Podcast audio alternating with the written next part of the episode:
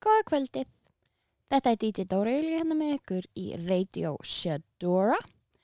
Við erum hér á öll 15. kvöld frá 8 til 10 í bóði Íslensku Hamborgarafabrikunar. Þar sem bestu hamborgarar landsins fást og ég mæli eindrið með því að þið skellu ykkur í góðra vina hópi á fabrikuna um helgina hvort sem það er í hádegismat eða kvöldmat, uh, eigið glaða stund og borðið ótrúlega góða hambúrgara. Það er mikið úrval, meðal annars hægt að fá vegan options sem að er ótrúlega vók og skemmtlegt. Um, og fáir vita, eða kannski ekki allir vita að ég hef kollabað með um tvisar, gert páska hambúrgara. Þannig að uh, ég er tím fabrikan og mælu með því að segja það líka. En hinga til mín í stúdióið er komin um, mjög góðu gestur.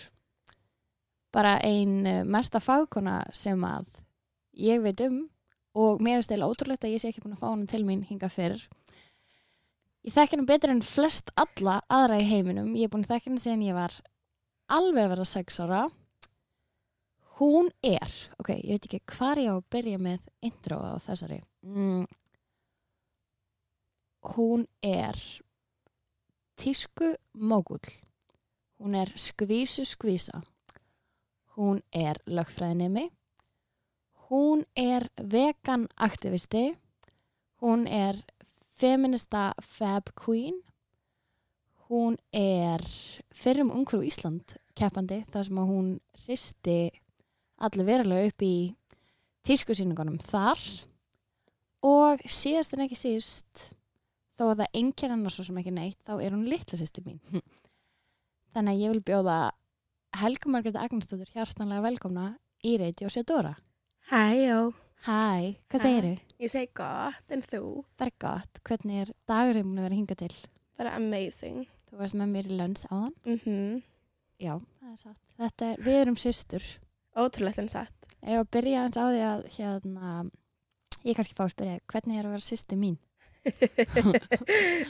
það er næstuði alltaf það besta í heimi. Æ, Love you sometimes. love you sometimes er okkar slókan. Já, Um, já, ég Ok. myndi aldrei vilja neitt annað. Nei, það, ég gæti ekki hugsa mér og núna er þess að vika þannig að Helga Margrét verður 21 árs Þannig að ammælisvika mín var að byrja í dag. í dag. Woo! Og við fögnum því með því að fara út að borða á hann. Um, en ég gæti ekki, ég fekk þig í svona príammölskjöf þegar ég var fimm ára. og ég svo sem man ekkert mikið eftir mér áður en ég var fimm ára. Þannig ég í rauninni, já, ég hugsa, ég- lífið er ekki án þín, það er bara þannig. Ó, það er svo gaman að segja eitthvað sætt við þig svona sem að allir geta að á. það var ég svo vandrað. Nei, þú ert aldrei vandræðileg. Þú ert hérna, þú ert gjarnan svolítið þekkt fyrir, Helga, Mm. mikið sjálfsörgi. Já, klálega. Og það er svona, það er eitthvað sem ég held að, og það er eitthvað sem ég lít mjög mikið upp til þín með. Það er, ef það er eitthvað sem ég fæ mjög oft þegar að fólk kemur og tala með mig er að þeim finnir sjálfsöryggi mitt vera mjög ábyrrandi. Já, um, en ég held að sé samt mjög mikilvægt að skilja að það tók tíma einmitt. Og svona, um, sjálfs, áberandi sjálfsörgi er eitthvað sem að svona, sumir gætu túlkað sem eitthvað neikvætt. já, Veistu hvað ég algjörlega og mér finnst fólk oft halda að ég sé að overcompensera eða eitthvað Já, en það er alls ekki svo les ég Nei. bara það tók mér ótrúlega það tók mér langan tíma að vera komin yfir það að vera bara að vera bara eitthvað sátt með hvernig ég er heldur líka Já. bara að elska mig ótrúlega mikið já, og eftir að ég kom slóksins á þann stað þá bara vildi ég aldrei fara frá því og ef það er eitthvað sem ég vil gera þá er það að vera ábyrgandi svo leiðis bara til þess að að ég veit ekki, að sína að sé hægt já, og geta Það hvað mixar. aðra til þess að komast á þann stað. já, Þú veit að lífið er of stutt til að liði ekki vel. nei, nákvæmlega sérstaklega ef að heimurinn er eitthvað að fara í fokk út af Úff. global warming þá vil ég bara nýta alla stundir sem ég hef til þess að njóta Akkurat. og fólk er ofta að segja eitthvað svona já, hún er svo hugur þóra að vera í svona litríku og eitthvað svoleiðis en ég bara, nei, Já. ég hugsaði þetta svo ekki svoleiðis ég bara, Nei. ef ég fíla eitthvað, þá vil ég gera það, ég er ekki að reyna að vera hugur fyrir einn eða neitt Nei, Bara fyrir mig. nákvæmlega, nákvæmlega.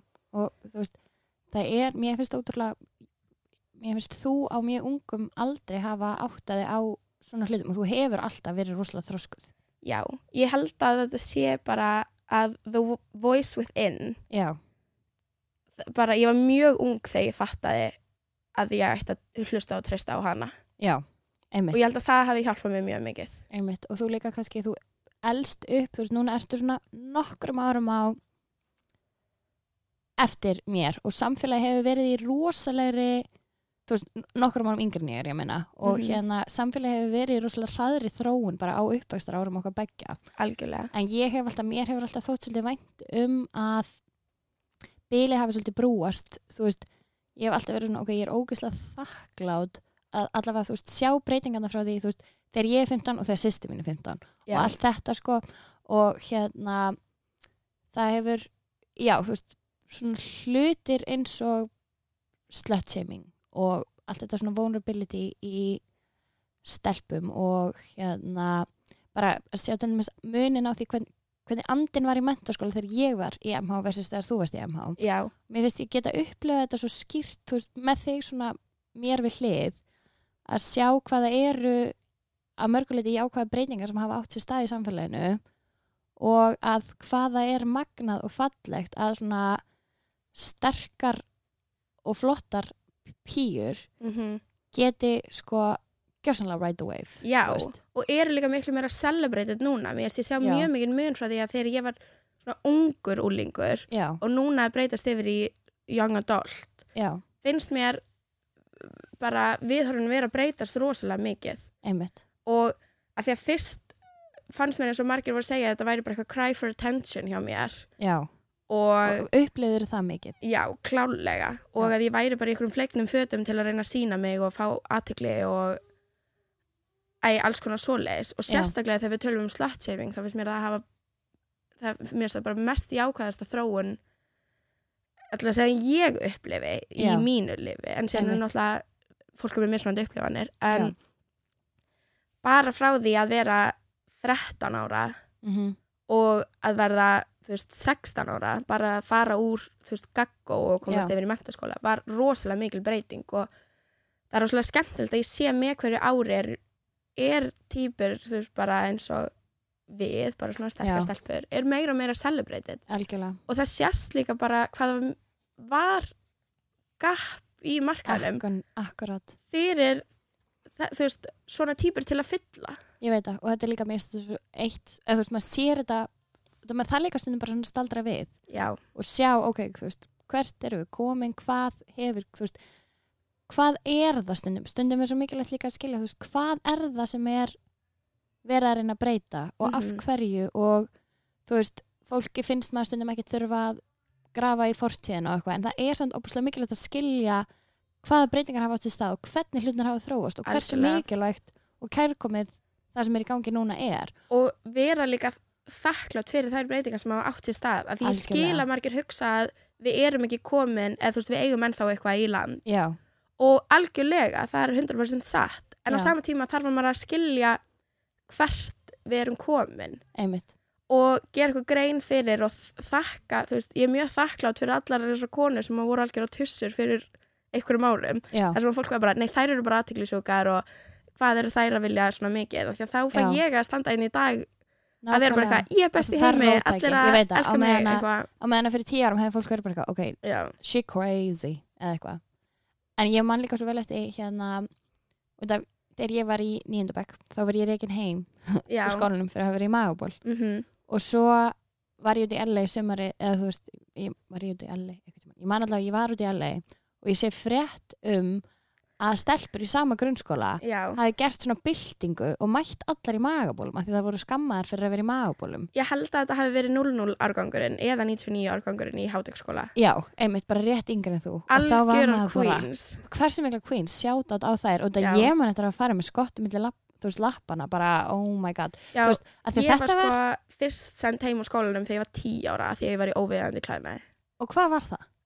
um, það var, í- það voru sem sagt, það var svona keppni sem þetta valsleikarnir Já, og hátekskóla liði var hvít föt, þannig ég var í hvítum ballettból og Já. síðan var ég í hvítum svona sweatpants og það Já. sætt bara, nei, þetta er óviðandi klænar þetta er alltof sjói og ég man Já. eftir það, það var ég svo pyrruð að ég ákvað að byrja að mæta intentionally í mjög óviðeigandi Já, klæðnaði, út af því að hvað skilabóður það líka að, þú veist, við ykkur að litla stelpu sem að, þú veist, pínu litla Já, stelpur, maður ég var er lítið bara- barn maður er bara að klæða sig og maður er bara að reyna að vera ánæður og örugur og eitthvað, svo er allir að reyna að breyta mann í ykkur kynverur eða eitthvað Mhm. allt annað sem að, þú veist, bara því að maður er eitthvað negin, þú veist, þetta er svo, þetta er svo fucked í Já, rauninni, sko. algjörlega, Það er, en ok, nú skulum við aðeins hérna, ef við byrjum á spurningu sem ég byrð oftast hérna viðmælindu mína að svara þá kannski fyrst að þú ættir aðeins að segja frá sjálfriðar og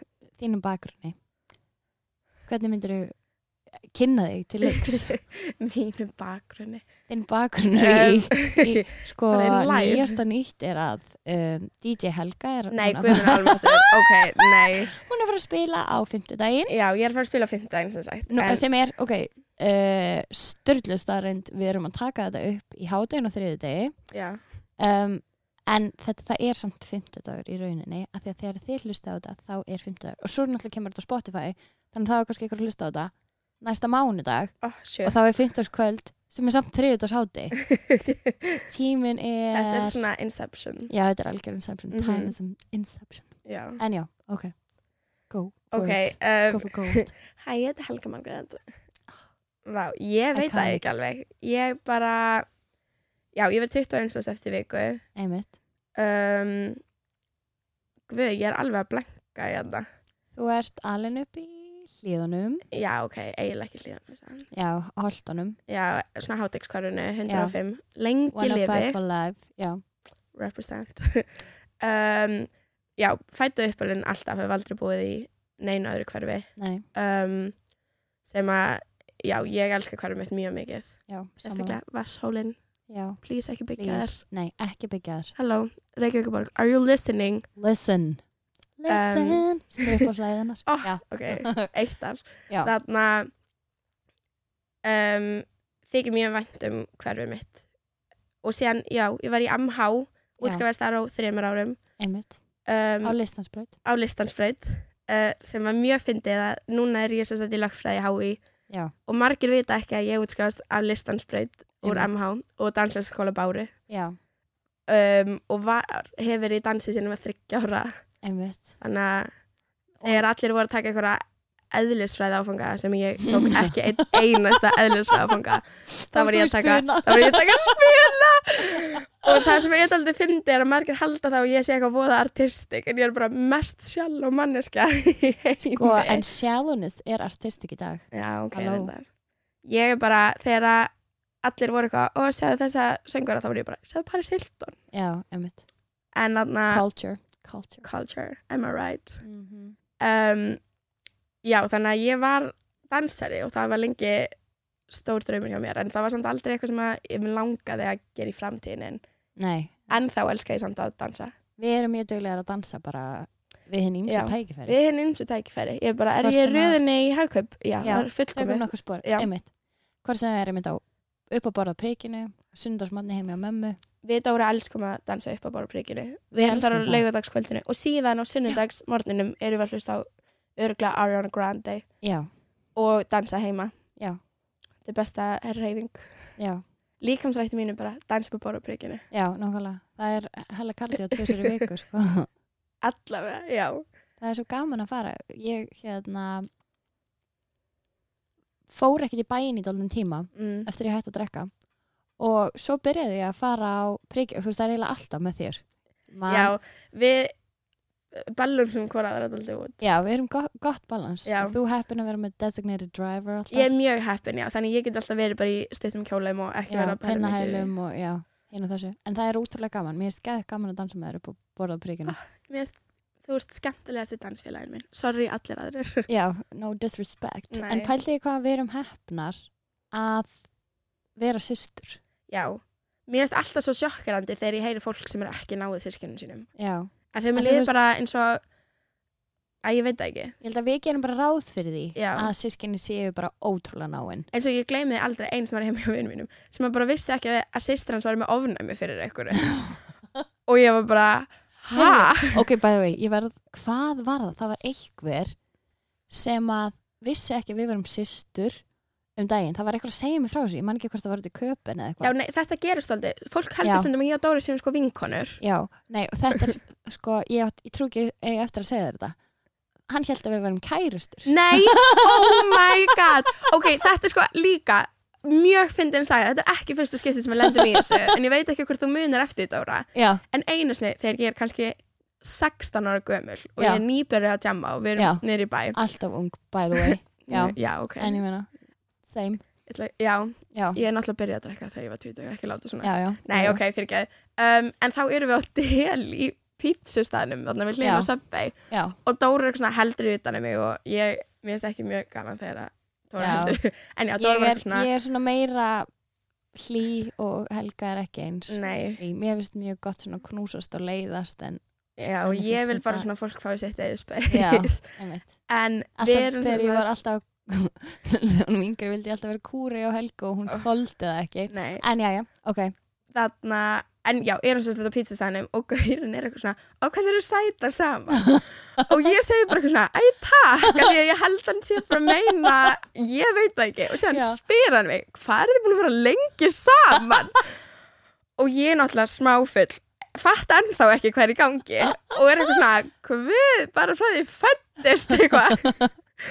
so it's day one og hann er eitthvað svona ha, og hún er eitthvað, já þetta er stóra sýstir mín og hann bara, oh my god, ég hef aldrei giskað oft sem ég fæ líka er að fólk heldur þessum hálfsýstur, já, einmitt, af því við erum alveg smá ólíkar, já, einmitt það er, en nei, en þú ert samt sýsti mín sýstir sýstir, sýsti mín sýstir by blood, friends by choice nákvæmlega, by choice og samt einhvern veginn you're stuck with me, sko já, ángreis, það er bara þannig, það er svo fyndið ég og Dóra hefum alveg sumir halda að við, það þýðir bara að við rífumst aldrei eða sé aldrei neitt, en alls ekki nei við hefum alveg átt okkar, en það er bara sískinni eru það mikilvæg að þú mátt ekki leifa ykkur petti að nei, koma við á milli og það er svo fyndið um daginn var Helga Margrét í heimsókn hjá mér og mamma líka um, og við erum ekki sáttar og Helga strunnsar út svo bara morgun eftir bara hæ og fyrir sund, já og ég var svona, að ég veit ekki, ég hugsaði bara vá hvað þetta er skemmtilegt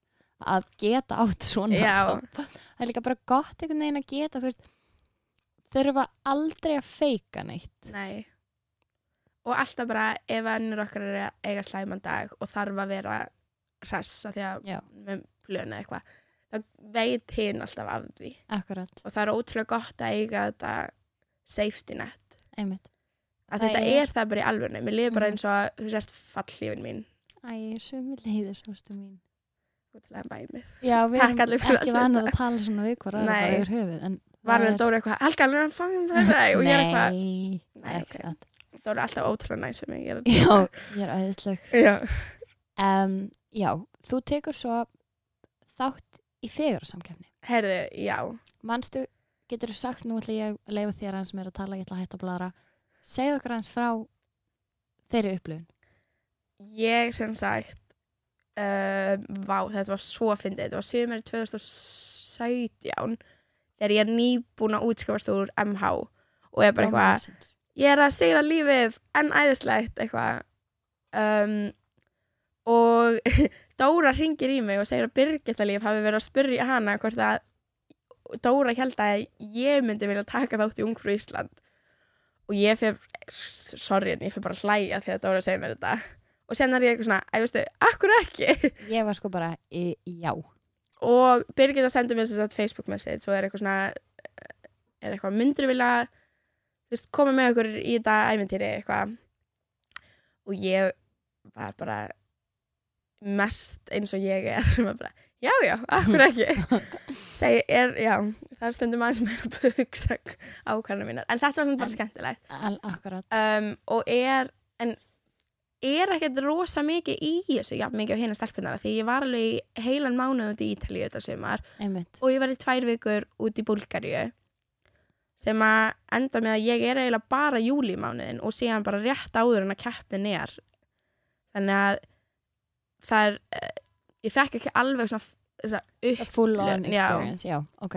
en fór á þessar gönguæfingar sem er mjög Einmitt. fyndið og var eitthvað svona já, þetta var mjög fyndið og sen kom kvöldin, ég hugsaði bara svo mikið svona, mér finnst ég sætast það stelpa á Íslandi, ekki spurning og akkur á ég ekki verið fór sviði í einhverjum sætum kjól Einmitt, og fannst þér einhvern veginn eins og þú ættir ekki heima hana á einhverjum tíumpunkt? Nei, guð, Þess, þetta var náttúrulega ég kannski ekki típiskast af eitthvað beauty pageant stelpan en á sama tíma var ég bara, æ, veistu, ég elska að vera í fínum kjólum og ég Akkurat. elska að vera sjói, Akkurat, akkur ekki einmitt. um, þetta var daldið þetta var alveg daldið mikið flip hjá mér Já. þetta var bara eitthvað svona ég var nýbúin útskrifstur MH, ég átti allt sumarið Já, af hverju ekki að prófa þetta akkurat. En Ekki það er trúa líka því. svo skemmtilegt að ég, ég held að ég hefði aldrei sótt um, eð, ég hefði ekki sótt um held Nei, ég nei, nei. og ég, gerð, ég sótt ekki um sko fyrir þessa keppni sem að margir vita líka ekki Já, um, að því að bara mér hefði aldrei dótt í hug og þ- að því ég skil alveg þegar að fólk segir eitthvað svona fegur og samkjöndnir geta sett óreinverulega stað, þú veist svona staðalímyndir þegar svona var ekki- svona já staðlega og eitthvað, já. um, sem að er svo sem alveg satt en ég held að s- er líka bara að þú ræður þinni upplifun rosalega mikið Einmitt, og ég veit að þetta er ótrúlega hars að segja en mér finnst hérna kemur sjálfan þess það aftur já, bara að mér finnst, fannst ótrúlega skemmtilegt að vera í þessu mér fannst ótrúlega skemmtilegt að vera í sætum kjólu upp á sviði já, og ef að einhverjum finnst það bitna of mikið á lífinu þeirra það er það eiginlega bara ekki mitt vandamál nei, einmitt. og ég held að við ættum frekar að reyna að efla stelpur að vera eitthvað ekki dæma ef að stelpur vilja taka þátt í svona samkvæmnum að þetta er náttúrulega sá sem maður vinnur fer og ferðast með heiminn og eitthvað svoleiðis Já, sem er æðislegt tækifæri já, já, og ég fekk líka tækifæri út frá þessu og algjörlega. Og þú fólk fyrst sem ég líka að kynntist vera, og, sko, þú sjálf, og mér finnst líka svona, ok, það er verið að efla fjölbreytileika já, og það er verið að koma fram og það er tíska inn eins og þú veist, æ, auðvitað, auðvitað er þetta ekki svart og hvítu og ég hef ekki svart og hvítu skoðan og fyrir á samkjörnum sko. nei, 100% en ég bara man svo vel eftir því sko, þegar að ég er náttúrulega var að spila já, og þegar að ég er að DJ hann upp á sviði og þú lappar inn þú veist, ég bara, það var örglega ekki ein manneskja inn í salnum sem var ekki inspired af þessu já, þú veist, þú bara lappar inn og þú átt salin, þú gjör sannlega áttan, skilur og þú bara, þú veist, það er svo gaman hjá þér og þetta er svo skemmtilegt og þú ert svo fierce mm að, þú veist, ég var bara eitthvað You're doing amazing, sweetie og hérna þannig að þú veist, mér fannst þetta mér finnst sko líka það er náttúrulega hægt að allt sem þú upplifir, þú ræður einmitt doldið hvernig þú ákveður að upplifa það já og Og- hvað þú tekur frá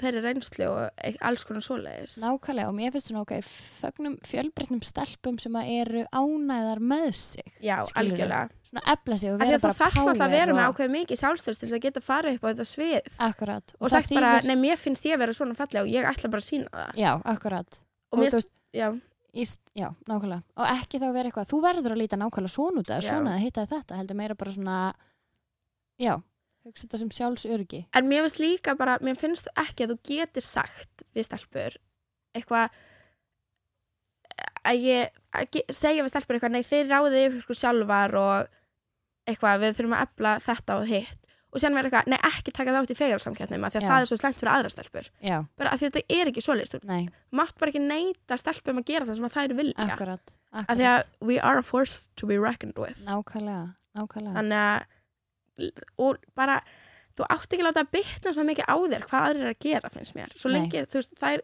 engin af þeim stelpum sem ég tók þátt með í Ungur Ísland, var að á neitt veg reyna að gera þetta til þess að láta einhvern annan fá látt sjálfsálið eða neitt Einmitt. svoleiðis þær voru bara að þegar þeim fannst þetta gaman, akkurat, og allir bara peppa hvar aðra já sem er rúslega fallegt og mér fannst mjög gaman að vera upp á þessu sviði og allir voru að klappa fyrir mér og ég var bara ekki, yey Thank you og ég mani mig þá að svo fyndið þegar ég var í loka atriðinu Já, um, þegar ég var í síða, sí, þú veist, svona Já. síðkjóla gangunni já, um, þá var ég eitthvað svona þá á ég bara svo mikið mitt moment og Já. ég var sko lengur heldur en ég mátti vera upp á sviðinu ég var skömm, eða þú veist, ég var ekki skömmuð en það var allt svona sagt eitthvað Helga mátti ekki vera svona lengi og ég eitthvað, mm, leið mér eitthvað whoops og síðan var ég og síðan kom hinn stelpan eitthvað á svið og ég var eitthvað, nei veistu, ég er ennþá hérna og var gett lengi á bakvið hann eitthvað Já, eitthvað, Og svo- með eitthvað svona Já. handarhefingar og eitthvað, ég og mamma og Lógi sátum út í sal og mamma bara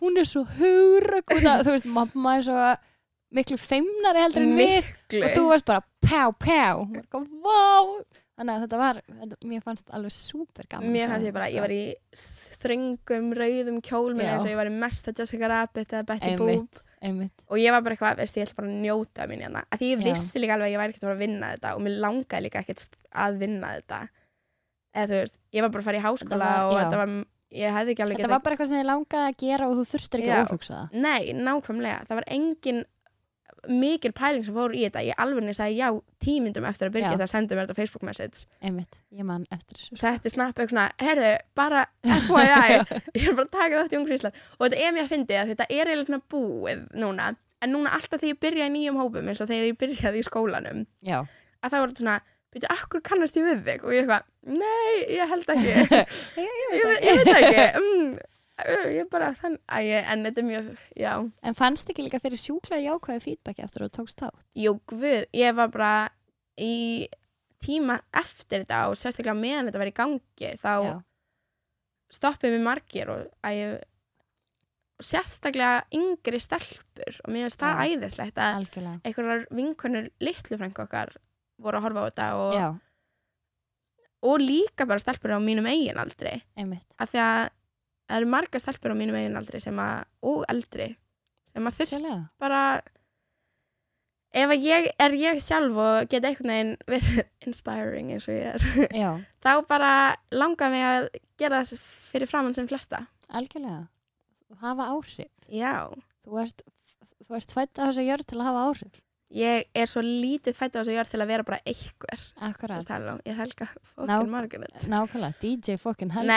nei, Dóra Nei, ok. Uh, það er eitthvað sem að Dóra er alltaf að reyna að láta mig til að gera Já, en hún sem svona eldri sýstinni skilur ekki alveg að yngra sískinni getur eiginlega ekki farið í sömu ég er ósamála því, sko. Nei, Ég ég held held að bara- allir sem eru með því sem eru að hlusta á þetta munu tengja við það sem ég er að segja. Sko, ég, það er nefnilega, það er kannski það sem að gerir fjarlægir okkur sem mest, er þetta að ég get ekki tengt við að vera miðjubann. Já, Þú ert svo mikið ultimate Ég mest- miðjubann í öllu sem þú segir og Já. gerir algjört fórnalambi. nei, Nei. þetta er bara, það vita, nefnilega margir vita þetta ekki að ég og Dóri eigum svona sett yngri bróður. Já, Margir halda að við séum bara tvær, en við Já. eigum yngri bróður. en hann vil ekki láta taka myndir af sér að vera Nei. samfélagsmiðlum. Þannig að við verðum að verða það. Já, Já. og ég má ekki segja nafni hans en eitt svo Nei, leiðist. nei. En þannig að ég er miðjubat, fætt og uppalinn sem miðjubat, hann Já. er bara tveimur árum yngri en ég. Já. Þannig að þú átt tvö svolítið aðtiklisjúk sískinni. Já, já Eða svona, svolítið. svona sem taka mikla aðtikli, getur við taka sagt. mikla aðdegli og ég alltaf lítur bara bara, nei guð, þetta er allt í lagi, ég er bara stend hérna Sko, Helga var eins og eitthvað lítill engill. ég þegar bara hún var talaði lítil. ekki þangt til ég var orðin 10 ára Og svo hefur hún ekki hægt að tala nei, ég segi þetta mitt stundum að ég fekk bara eitthvað svona á einu tímabundi var ég bara, æ, veistu ekki komið nóg að því að vera síðan. bara þetta Myndur þú segja að þú hefur svolítið, segðu mér aðeins frá því hvernig þú endur uppgötaðir þig fyrst og bara svona hvernig þú sem manneskja hefur orðið þú sem manneskja. Sko, ég man alveg eftir því þegar ég var lítil, þótt að ég væri mjög hljóðlát og þótt að ég tæki ekki mikið pláss og eitthvað svolítið, var ég alltaf mjög viss um mig Já. og viss um ákvarðanir sem að, eða þú veist, eða bara viss um að ég, það sem ég vildi var það sem ég vildi og ég bara trúðu og tristi sjálfa mig Mm. um, en síðan þegar ég varð svona 11-12 ára Já.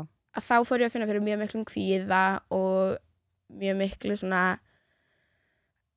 bara varð mjög óörug og Já. sérstaklega ég held að við verið mikið partur af því að ég var langfyrst af öllum stelpunum í bekknum mínum til að byrja kynþróskaskeiðinu Já, og ég var komin í síðaskálar þegar ég var 12 ára og það var mjög erfitt að allt í henni fá alla þessa aðtegli já, að vera orðin svona miklu fullorðnari heldur en allar vinkonum mínar, þú veist, í útliti einmitt. og að vera komið, þú veist, mjæðumir og vera að byrja á túr tveimur áður um að ég fæ þú veist, eldur en næsta vinkonum mín byrjar á túr Já, já, og meiri segja þú veist, eins og svona kynfræslu tímar í grunnskóla, ég var 12 ára þegar ég var eitthvað svona, heyrðu, já síðan byrjaði á túr og ég mani í réttu pöndu ég verka, já þú ert svona tveimur árum og segin já, já, en þarna en snap ég held að hafi haft alveg stór áhrif að mér leið mjög illa og ég var að reyna að, þú veist, og ég var í gullhóp í sundi og ég var á listansbraut og ég var að æfa mjög mikið en samt var ég bara alltaf að þingjast og stækka og breytast og það tók ótrúlega mikið á og mér fannst ég bara ekki vera á nettveg nógu góð og síðan byrjaði einhverjuna mínar að versna og að því ég fekk sem enginn kvíða og alls konar svoleiðis já, og síðan var bara eitthvað svona moment þar sem ég er að klára áttundu bekk þar sem ég var bara svona ég ef mér komið með svo mikið nóg á því að líða illa já, að því að ég var bara þú veist og það var alls ekki eitthvað á þeim degi sem allt var gott já, en það var svona, ég man eftir þá eftir þessu að ég er eitthvað svona kl- bara er inn á baði að nýbúin að vikta mig og liður ömulega og það var bara eitthvað svona það var bara eitthvað sem að snappaði í mig sem var bara svona, nei, ég nenni þessu ekki ég ætla ekki að líða illa lengur og svona þremur árum setna þá leið mér ekki illa lengur Já. en það er náttúrulega, þú veist, auðvitað átti ég alltaf góða daga já, já, alveg eins og núna á ég slæmandaga einmitt og þetta er bara þau, ein, að ég meina ég er nú bara mannleg þótt að ég vilji meina að ég sé Þú það sért að ekki goddess sem þú ert en þarna en, og síðan reyndi ég ég reyndi alls konar hluti og ég fór, þú veist, ég fór til sálfræðing og ég fór í svona hamaðferð, svona hugræna atfylgmaðferð og alls konar svona sem ég fannst persónulega alls ekki virka fyrir mig Já. ég fekk mjög, eh, þú veist, ég fekk ekkert út úr því ef ég var alveg hinskilin en já, fyrir mjög marga getur þetta auðvitað hjálpað já, já, um, og ég reynd ég fór til alls konar lækna því ég var all, þú veist, ég svaf ekki neitt Já. um, og ég man ennþá eftir því að þegar ég var 14 ára er ég hjá einum lækna því ég er ekkert búin að sofa og það er einhvern veginn engi lækna bara búin að spyrja mig bara er það kannski að þið líður illa já, heldur var ég bara alltaf með höfuverk ég var alltaf veik að því ég s- var bara að því mér leið svo illa bara í sálinni já, og ég man að hann spurði mig eitthvað svona, hefur þú lesið Englar alheimsins? Og ég eitthvað, nei, en við erum að fara að lesa henni í tíndabæk og hún eitthvað, að hann sæði við mig eitthvað, já, ég held á sér sem höfverki hjartanu og það er ennþá eitt bara krútlegasta sem ég fengi Já. að heyra frá lækni. já og kannski þá aðeins opnaði eitthvað sem að þú hafðir ekki almennilega geta kannað áður. Nei, algjörlega og eitthvað sem ég var bara ekki búin að viðkenna fyrir sjálfur mér og já, eitthvað svoleiðis og síðan tók bara tíma og ég man að ég f- var einu sinni á eitthvað svona eitthvað svona námskeiði eða þú veist, ekki námskeiði, ég veit ekki alveg hvað það heitir bara eitthvað svona, s- svona self-help eitthvað já, og þá sagði þau að á hverjum degi ættir eitthvað svona að líta í speil og þetta er minnst okkur stegi að finna eitt sem að þú veist, þú elskar þess alveg já, og ég eitthvað svona reyndi þetta og fekk ekkert úr því þannig ég byrjaði að gera alltaf lí- að líta með hverjum deg og vera eitthvað svona hvað fíla ég ekki og Já. síðan hugsaði ég svona ef ég gæti breytt þessu væri ég hamingisamari Já. og þeim hlutir sem að, ég, fa- að því að það getur hjálpa eða þú veist, mér finnst of margir vera hrættir við að vera eitthvað nei, ég á bara að elska mig nákvæmlega eins og ég er já, og auðvitað á þau verið að þykja væntu þig og elska þig og allt svoleiðis en mér fannst allavega hjálpa að það voru nokkur hluti sem ég þurfti bara að breyta við sjálfa mig Já. til þess að ég gæti verið hamingjusamari Já. og s- líka á þeim tíma fattaði ég að það voru hluti sem ég gati ekki breytið sjálfa mig já, og Sem þú að varst breyta að því elska. væri ekkert að fara já, þú veist það var Nei. ekkert að fara að gera mig hamingjusamari að hugsa að eigur mín væri stór Já, já, eða já. að hárum mitt væri þund eða að ég væri feit eða eitthvað svoleiðis algjörlega heldur frekar að hugsa eitthvað svona ef ég verð sterkari í staðan fyrir að hugsa um að grennast Já. það á eftir að gera mig hamingi samari og á þeim tíma varði ég líka gremmandi sæta og Já. byrja að hugsa miklu meira um hvað ég læti ofan í líkama minn og hvernig ég kem fram við líkama minn mm og á þessum tíma hugsaði ég bara, byrjaði ég að hugsa bara svona líka minn er í alveg bara klusturinn mitt Já. þetta er heimilið mitt Já.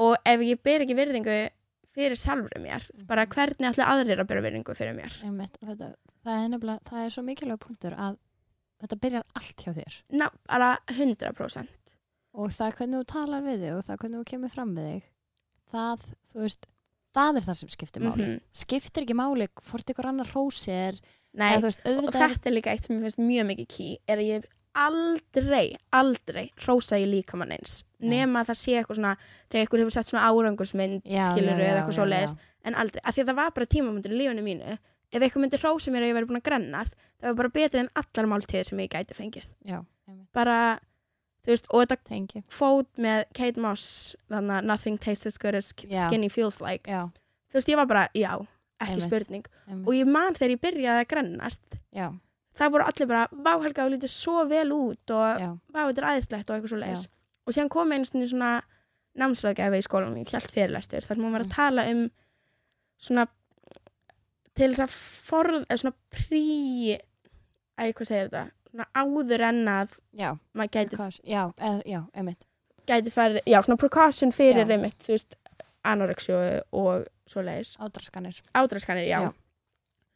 og svona hvernig það er eftir að spotta hún sagði svona, svona spottaru sæn hjá viniðinum já, og eitthvað svo leiðis og ég man eftir þeim fyrirlestri, ég man mjög mikið eftir því, já af því að þá kom einmitt eitt vinur minn sem að var ekki mjög mikið eitthvað svona það var aldrei bara svona grínisti og var bara svona feller og hann Já. kom og talaði við mig eftir þetta og það var mjög mikið wake up call sko. Já, um, og þetta er bara þegar þú ert 13, 14 já. Já.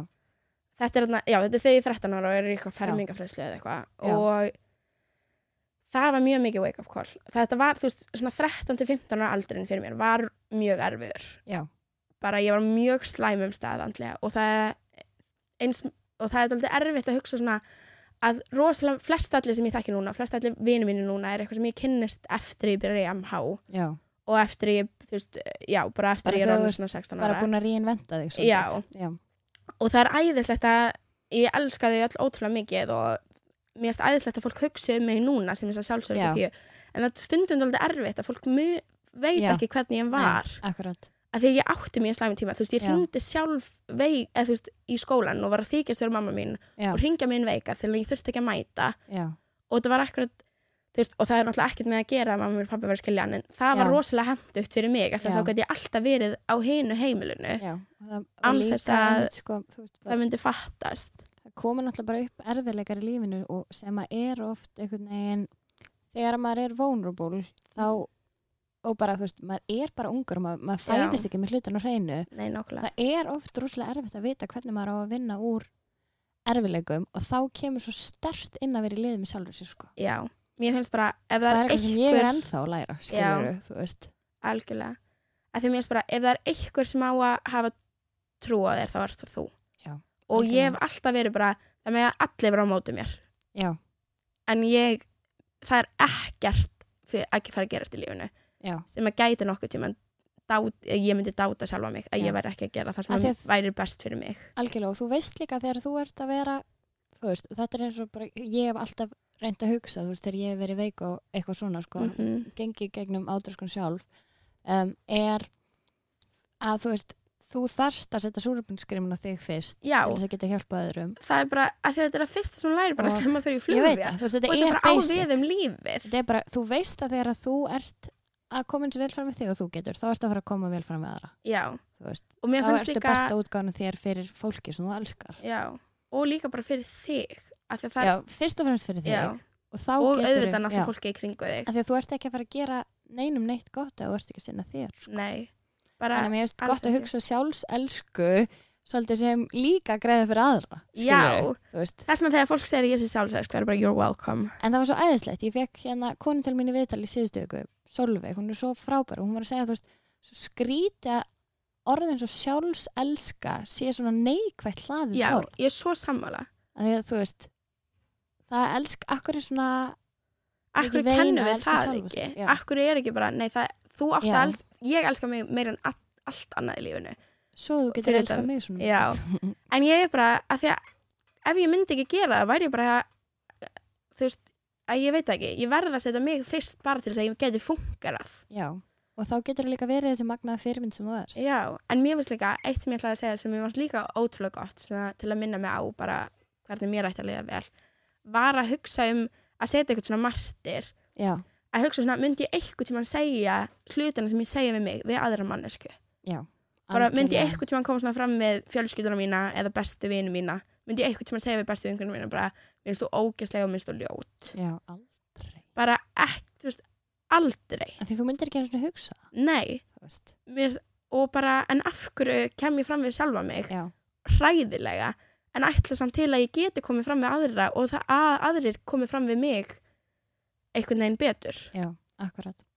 Þannig að það má segja að svona í kringum 16 ára hafi Helga Margrét endur fæðist aðeins Já. og orðið þessu fenómena sem ég finnst hún verið í dag. það var mjög hjálplegt líka að byrja í nýjum skóla Já, svona kaplaskipti Já. eru alltaf svo fresh. algjörlega og mér fannst líka en mér finnst ennþá eins og fyrsta ári mitt í MH hafi verið rosalega mikið svona ég að fatta hvernig ég vildi vera Já, þannig að ég tel það, þú veist, já og síðan man ég eftir því, ég man ennþá bara annað að vera í mentaskóla man ég eftir að hafa upplifað bara svona vákvæði mikið léttir Já. vákvæði mér liðið vel Já. vákvæði þetta er ótrúlega góð tilfinning og við erum bara, ég ætla Svona á lífið að vera. aldrei að sleppa þessari tilfinningu nei, að því þetta er bara hún er svo mikilvæg hún er það. mm það er það sem ég finnst allavega Ég er sammála og maður verður að vera í liði með sjálfur sér. Þú veist, Mhm. það er bara, það er key phrase það er dagsins. key phrase, já, key phrase of the day. Quote of the day. Já. um, en finnst þér þú hafa um, er, reynir meðvitað að svona, bara eins og body positivity og að líða vel í einn skinni og allt þetta ertu meðvitað að reyna að hafa áhrif á bara þá sem er að fylgja þér og þá sem er í kringu þig og svona að því að þú veist það er hópur af ég hérna hef bara upplæðið þetta svo mikið Mhm. alltaf þegar fólk er bara oft þegar stelpur eru að koma og tala við mig eða vilja eitthvað þá eru svo margar alltaf ég elska sýstina sem að er svo þú veist, mér finnst það miklu miklu skellar en að fólk sé að rosa mér sko. og þú veist, fylgjast með bara líka því þú veist, þú stendur fyrir ímislegt þú veist, þú ert baráttu kona þú ert Mhm. vegan þú ert, þú veist, mér finnst þú verður bara body positivity activisti, skilur við ég myndi klálega að segja að ég væri það en á sama tíma reyni ég að vera ekki of meðvitað að bara posta já, já, eitthvað já, svoleiðis. nei, nákvæmlega að því að mér finnst bara, mér finnst frekar ef að ég er bara einlæg og ég er bara Já. að sína hvað er það ég er að gera á mínum, þú veist, hvað ég geri og hvað ég, þú veist, fæ mér að borða og hvernig ég læt og hvernig ég hef, eða þú veist, já, mér finnst það hafa svo sterk áhrif Já.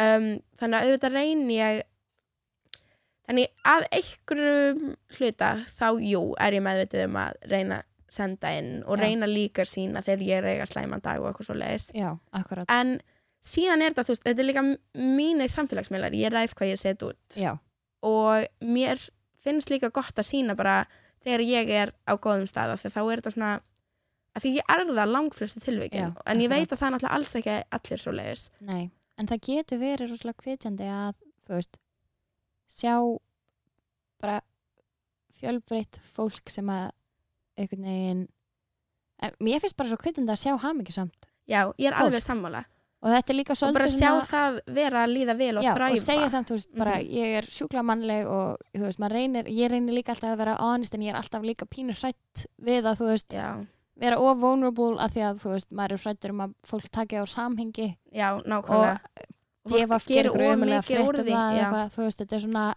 og síðan líka vill maður ekki vera eitthvað þegar að stelpur eða bara fólk kemur til mann svo er eitthvað mér er svo inspirational hvað þú ert sjálfsörg og eitthvað svo leiðis Já. að þá vill maður líka ekki endilega vera eitthvað nei, en ég er það ekki alltaf Já, nei, þú vilt frekar vera eitthvað nákvæmlega. svona já, af Já, því að ég- þú veist, ég er það Já, oftast akkurat, akkurat. og þá vil ég frekar sína það af því að ég held að Já. það hafi bara sterkari og betri áhrif Og það er líka þetta svolítið frelsi sem að fylgja samfélagsmiðlum er að þú veist, maður getur svolítið svona ok, þetta er hliða mér sem ég ætla að gera svolítið mikið úr já, og mér finnst þú veist, Þetta er bara samfélagsmiðlar nákvæmlega, og þetta er svo flókið af því að fólk er oft svo bilaslega gaggrinnið á samfélagsmiðla sko ótrúlega Og- ég persónulega elska Já, samfélagsmiðla ég líka, ég geri það og ég skil alveg þetta svona, ok, fólk á erfitt með eitthvað picture perfect tilbúning og það er eitthvað kvíði sem að fylgja Já. því að allt sé fullkomið og eitthvað en þetta er samt partur af því að þú veist, fyrsta lagi bara, þetta byrjar hjá þér og þú Já. ræður hvernig þú sér hlutina þú þarft ekki að vera, það þarf enginn að vera eins þú þarft Nei, ekki að nákvæmlega. eiga líf eitthvað annars, skilur mér finnst líka ef þú ert það viðkvæm að að sjá einhverjar aðrar á Instagram og hugsa eitthvað svona og ég, eða þú veist, ég er ekki að plotta hún þá þarfst Já. eiginlega bara fyrst, þú þarfst bara að byrja á þér þetta er þitt vandamál, akkurat, þú þarfst ekki að láta taka það út á akkur, já, einhverjum stelpum sem eru bara að lifa lífinu Já, þú veist það er með að nákvæmlega. posta eins mörgum bikinimyndum eins og þær vilja af því að það hefur ekkert að gera með þig og stundu þarft í alvörinu bara calm down you need to calm down bara í alvörinu Ég af veit því að það má ekki of mikið Ég veit gerast eitthvað svona það á ekki að vera mitt vandamál bara sorry, en það á ekki Já. að vera það það er nefnilega, maður verður að bera fyrst og fremst ábyrgð á sér og auðvitað auðvitað er gott að vera meðvitaður um að maður geti haft áhrif og ég er all Já. about uppbyggilega áhrif sko algjörlega, en, en mér svo, finnst munur á að vera þú veist, auðvitað meðvitið um það og síðan Já. að vera eitthvað, nei ég verð að gera þetta fyrir þetta já, fólk." akkurat, nákvæmlega, nákvæmlega þá verður það líka bara þingað þú veist, í rauninni sko og við viljum frekar bara vera einlægar það er nefnilega, mér finnst sko einlægni mm Mhm. er major key já, major key, ekkert smá, þú veist, ég er mjög mikið turn on Já, ég er sammála, þú veist, ég er bara, ég er einlæg, það Mhm. er ég um, og þú veist, ég er bara að vera ég, þó Já. að ég sé bara eitthvað í bleik og wú, og kannski leiði mér ekkert rosalega vel í morgun en mér líði vel núna. já, af því að Skilurðu? líka, mér finnst fólk of mikið dissa það, að stundum þegar mér líður illa þá fer ég í ótrúlega fín föt og ég setja á mig Já. geðveitt make-up og ég er með skærasta bleika varleitt sem Já. ég finn Af því að það er líka bara, þá veit maður stundum er gott að vita, ok, hvað getur hans látið mér líða já, betur núna? og Bara allt eitthvað- þetta. bara að ég sé í matching nærfötum Já. þótt að ég sé bara eitthvað miklu að læra upp í skóla er ég bara, Já. ú, sjáðu mig, Já. já, það lenda maður Quirky! Já, af því að, fær ykkur að sjá það upp skóla? ekki hann allavega ok, nei, ég held ekki ok. en, já og mér finnst ofmarkið dissa það Já. vera eitthvað svona, nei þú ert bara að vera hafingsum og ég bara, æfistu, ef ég væri í einhverjum gráum og svörstum fötum allan daginn einhverjum ripnum gallabuxum ugh, ég bara, mér langar að æla okay. sorry, I Já. just been honest Já, ok. en Þín- af því að Hashtag þín, En ef að það leiti þér liða betur, do it. Nákvæmlega. En ekki dissa þá að mér liði betur þegar ég er í öllu fjólblá eða öllu bleiku. Já. Og, en mér finnst samt langflestir embracea það bara. já, Mér Algjörlega. finnst það, mér finnst tíðrandin í samfélaginu vera rosalega góður. já. Þú veist, að langflestu leitu og það sem er ekki er einmitt ekki mitt ágefni. nei. Að það En- má ekki, þú mátt ekki setja of mikið á your plate. Nákvæmlega, Og þarft ekki að vera panika fyrir öllu slæmi sem er í gangi. Stundum Nákvæmlega. getur líka bara take a breather. nákvæmlega. Take a breather. Mm -hmm. Um, já, ok, hvað eigum við að spjallum meira skemmtilegt? Mm. Ég, ég veit. Þú ert, mér langar svolítið að ræða við um veganisma. Já, Þú ert búin að, hvað ert búin að vera vegan lengi? um, ég er búin að vera vegan í þrjú ár núna Græminsæta í, síðan 2012. ok, sjö Þannig að- ár. Já, ég var sem sagt, kláraði áttundabæk 2012, fór Já. í mánuð til Ítalíu og Já. ákvað að það er þið seinasta skiptið sem ég myndi bara gjöld. Og svo er bara rest is history. Rest is history, nema alveg seinasta máltíð sem ég fekk mér var meat and cheese Ég pizza man á eftir. Domino's. Já, Með mói.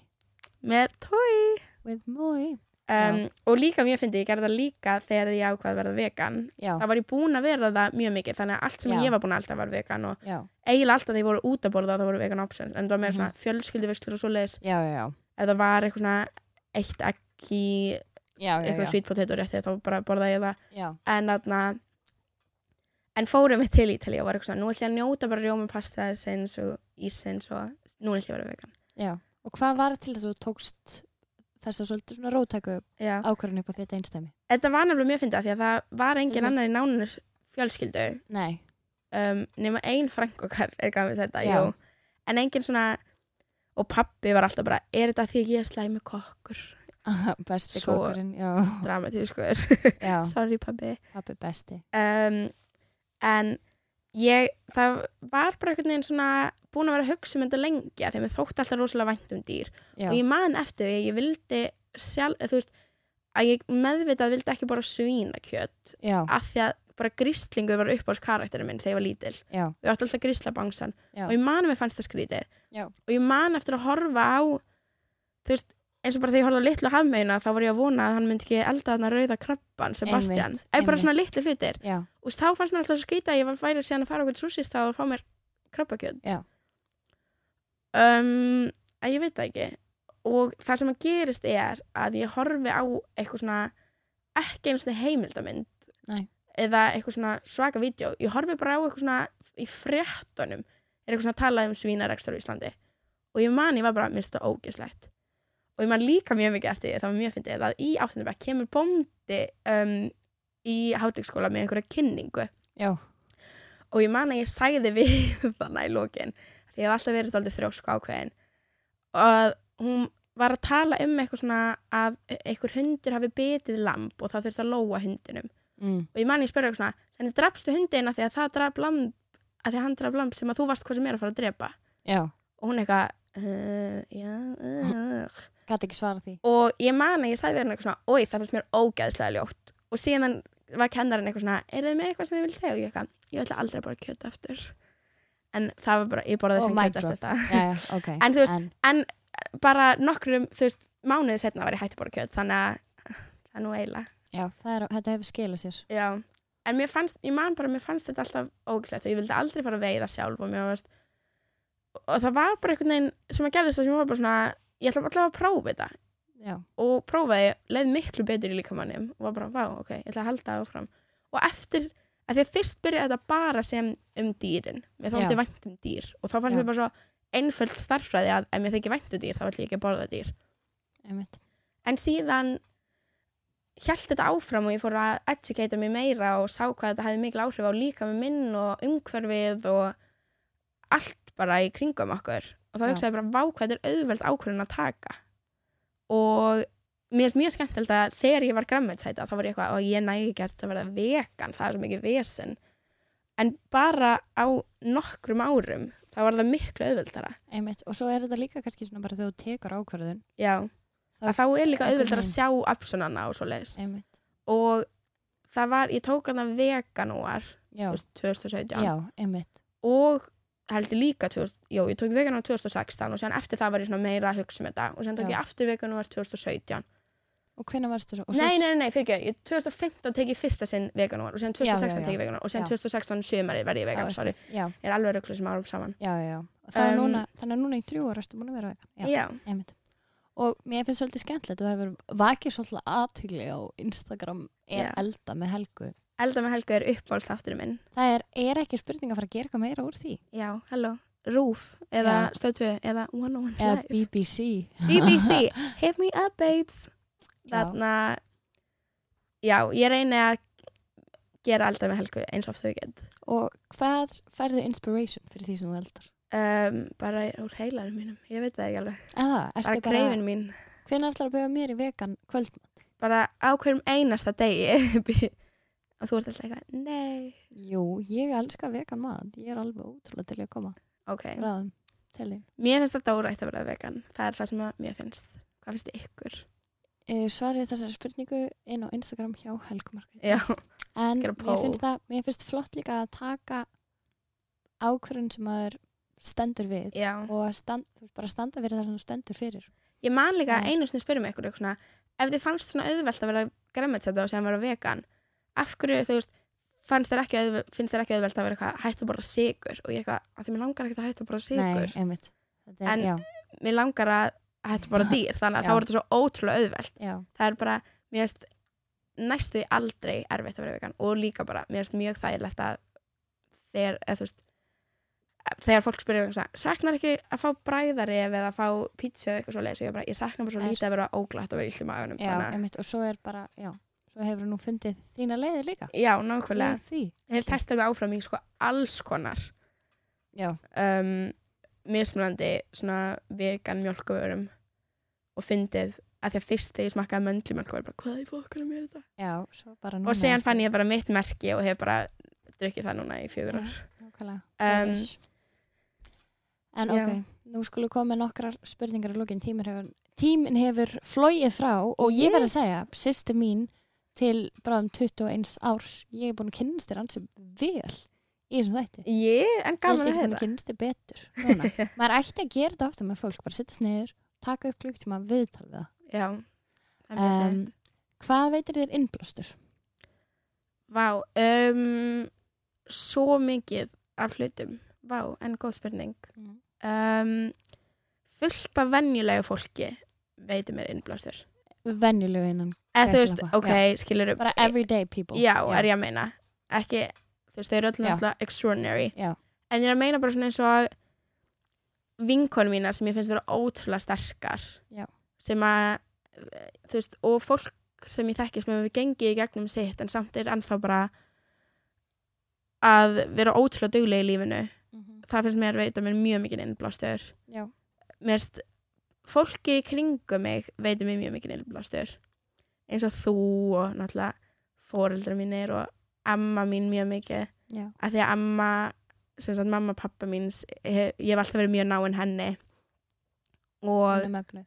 hún er mögnuð og átti pappa þegar hún var bara 19 ára og náði ekki að klára stundinstag sem var síðan bara algjör queen og Mhm. Mér langar svo að fá hún í viðtal. já, hún hefur verið bara frá því að ég var lítil af því að hún er líka bara my biggest supporter Oh eins og þegar ég Yes. fjall í íslensku 500 þá satt amma með mér bara í 12 klukkutíma, bara í viku og var bara, nú ætlum við að ná þessu og hún var eitthvað, Já. það er ekki neitt batnabat sem að ég á að fara að falla í íslensku Nei, og að því að hún er bara svona manneska hún leifir mér ekki að ganga illa en hún, ger, eða, þú veist, en hún segir ekki bara eitthvað svona, nei, gerðu þetta betur, heldur Já. sest og niður með manni og er bara, hvernig get ég hjálpa þér að gera þetta betur og mér finnst Já. það svo aðdánavert algjörlega, það er magnað og það er eitthvað sem og þólinn maður sem hún hefur fyrir mér finnst mér ótrúleg um, elsku amma við hérna sjátt á þetta á sjátt emmi á mína elsku ömmu og á elsku mömmu og elsku pappa við erum Já. rosalega hefnar og afa og alla, alla mú, mú, mú. Mua. og síðan Áfram með það. er náttúrulega, þú veist fullt af fólki út í heimi sem hefur gert magnaðan hluti sem maður veit með innblóðsir, en ég myndi segja mest svona sem mig sem persóni er fólki Já. í kringum mig og Ariana Grande og Ariana Grande og líka Britney Spears já, I love you I love you Britney ég held Og að Britney sé mikilvægast að mannskjörn í lífinu mínu ég bara er manns- ekki einn að djóka já, ég trú ekki að ég hef séð hann tvisvar á hann nei, Dóra, þegar Dóra fór á tónleikana sá, hún svona sest niður með mér og sagði eitthvað herru, ég er að fór á Britney Spears tónleika og ég fór- að gráta, já, nei, ég þú strunsaður út, ég náði Já. það á vídeo þú sagði bara, ég, bara, ég hef engan humor fyrir þessu. nei, en ég bætti upp, ég reyndi að bjóra Ariana Grande já, Um, en vá ok það vá er fór á hausinn þannig að sko tveimur dögum fyrir tónleikana þannig að við komumst ekki Oh. til Montreal en við erum að fara núna í oktober Óttúber. Pældi, Sviljið það er þetta. líka eitt sem er svo geggja það er svo mikið af mögnuðum hvernfyrirmynd Ariana Grande er ekki að leggja sér fram við að vera eitthvað nei, fyrirmynd fyrir hinn eða þennan heldur er hún bara svo mikið fyrirmynd með því að vera hún algjörlega og, Og það, það er finnst svo mér svo gæð, mikilvægt og líka bara eins og ég, ég dái og dyrkar í hannu og hef Já. gert bara frá því ég var pínu lítil já, að því að mér finnst bara allt sem hún gerir finnst mér magnað og að Sammála. bæði að hún sé bara einn hæfilegar yrkastegi listamæður okkar samtíma þú veist, öllu grinni sleppt finnst mér að 100% absolutt en þá er hún líka bara að gera undir í make-up bransanum og í tísku bransanum bara og business biatch hún er það í alvörunni já hún Það er er komið nefnilega- honor, honorary degree frá Harvard og ég bara, ég gæti ekki mynda mér betri já, hún- og síðan náttúrulega líka sumar, þú veist, bíómyndakarakterar eins Já. og Elwoods hefur náttúrulega alltaf verið mjög stór að því mann eftir að horfa á hana og eins og í klúla svo, hugsa bara eitthvað svona vákvæður mikilværi karakterar að því þetta eru sterkar og klárar stelpur sem er svona skvísur já, þetta er þessi svona skvísu kultúr sem að hefur gert svo mikið að ég Fyrir bara þurfti mig ekki og að vera annarkvort skvísa eða Nei, ganga vel í skóla nákvæmlega. að ég gætt gert bæði og bara, Bara- þú getur gert allt já, bara þú veist, ég er Óháð ótrúlega því- dugleg ég legg Já. mig ótrúlega mikið fram í námi já, en líka, þú veist, þá mæti ég í síðum bleikum pels í skólan en Nákvæmlega. samt er ég alveg jafn mikið að hlusta á alla tímana og allir er eitthvað Nákvæmlega. hvað þið er þessi já, og, En og ég með meina- eitthvað svona sko bú á fyrirfram ákveðnar hugmyndir á fólki já, það er eitthvað sem að ángríns. maður verður og við reynum alltaf að passa mm að fyrirfram ákveða aldrei eitthvað um eitthvað nei, bara nákvæmlega keep an open mind keep your mind open, keep your heart open og gefa benefit of the doubt af því að það er Nákvæmlega. fullt af fólki sem hafa getað heyrt sögur af Ah, mér frá já. ykkur fólki sem ég þekkti á einum tímapunkt í lífunum já, mínu nákvæmlega og, það- og hafa nákvæmlega. getað hugsað strax bara á Helga, hún er algjör drusla og hún er alveg þetta og hitt og eitthvað já, og bara, nei, þú veist já. að ég meina, já, Það, þú veist, og líka bara fólk upplifir þú veist, fólk hittir þig á einhvern tímapunkti og þú veist, ég hef oft Já. hugsað þetta en svo hugsa maður bara, ok, þú veist ég er að tjá mig sem einstaklingur og Mhm. þú veist, það er frelsi hvers og eins hvernig hann tólkar mig já, og þú veist, ég get ekki, ég get ekki stjórna því hvað Hvað- aðrir hvernig hugsa um aðrir þig. upplöfum Já, Það og er- líka, maður það er reynir bara ekki sitt besta. mistandamál Nei, og það er líka alltaf gott, það er Já. svolítið frelsandi Já, hugsa bara, ok, þú veist, ég er bara ég er hamingisum með sjálfur mér mm og fólk verður bara að fá að velja hvernig það upplifir það já, og við erum alltaf bara svona I don't give a fuck Nákvæmlega, En á love me or sama hate me, tíma- it's still an obsession Já, mér stundum fólk verið eitthvað svona, ó það er svo gaman hvað þetta er bara alveg, alveg sama hvað fólki finnst um þig og ég er eitthvað, ok, mér er kannski ekki alveg, Nei. alveg sama Ég vil Nei. ekki að fólk er eitthvað, já hún er, þú veist morðingi eða eitthvað, ég veit ekki Það er þú alveg veist, sama hvað fólk finnst um sig. En það er alveg, þú veist, það er stiksmunur ef það meika sens Þannig að lang flestu parti er Já. mér, jú, mér er alveg sama Think what you want Akkurat. en ég veit best Ok, nú ætlum ég að fá þig, besta, til Mhm. að gefa eitt ráð til þeirra sem er að hlusta. Frá sálunni. og frá sálinni um, Deep within your soul. ASMR Já. Hello everybody Hi um, geðveikt. Já, ok, við þið mitt ráð er bara, en mér finnst þess að Já, þú ert búin að ég er búin að vera koma það fram. já, Þetta er þráður bara voice within sko, eitt Já. sem ég ætla að segja, það er ástæð fyrir því að við höfum instinct Akkurát. bara, það má ekki gleyma því Nei. það er ástæða okkur þetta er þarna og bara, þú veist, jú, ok stundum auðvitað, læknar vita stundum betra betur Já, hvað já. er gott fyrir þig og þú veist, að einhverju marki vita líka fóreldrar hvað er betur fyrir þig Já, en í mjög mörgum tilfellum veist þú hvað er best fyrir þig Já. og það er ástæða af hverju við erum með þetta voice within einmitt. það er bara upp á hlutunum minn að tala um Algjörlega. Af því að, Algjörlega. og hlusta á það, þú veist hvað er best fyrir sjálfa þig í Akkurát. mörg flest öllum tilfellum en auðvitað, Nákvæmlega. If you don't know, now you know. nei, Herðu, ég ætla að byrja að koma með óskalag. oh my god uh, maður að vera toxic með Britney eða það er eitt sem að fólk þarf að vita líka um lífið mitt Já. er að líf mitt er toxic með Britney akkurat, bara, ég elska Britney ætlar að syngja með nei. nei, ok, en þetta er nefnilega go to karaoke lagið þetta er gótu karaoke lagið mitt og þetta er líka bara, ég hlusta á þetta lag þegar ég vakna morgana ég hlusta Já. á þetta lag ánum fyrir að sofa ég hlusta á þetta þegar ég er leið og þegar ég er Þetta er pop. ánægð phenomena það er bara Britney, Rihanna, Ariana Grande mm Mhm. þetta er svona eins og, trinity já sem er trú á Jésu og Guð og heilan anda ég Já. trú á Britney, Ariana Grande og Rihanna Helga Margrét, takk hella fyrir komina í Radio Sedora takk fyrir í mig bóði Íslensku Hamburgerfabrikunar Love you all sem hann að hlusta Helga, þú ert sýsti mín og ég elska þig einn svona staðrænd í lokin Dóra, Helga þú ert systir er mín. systir mín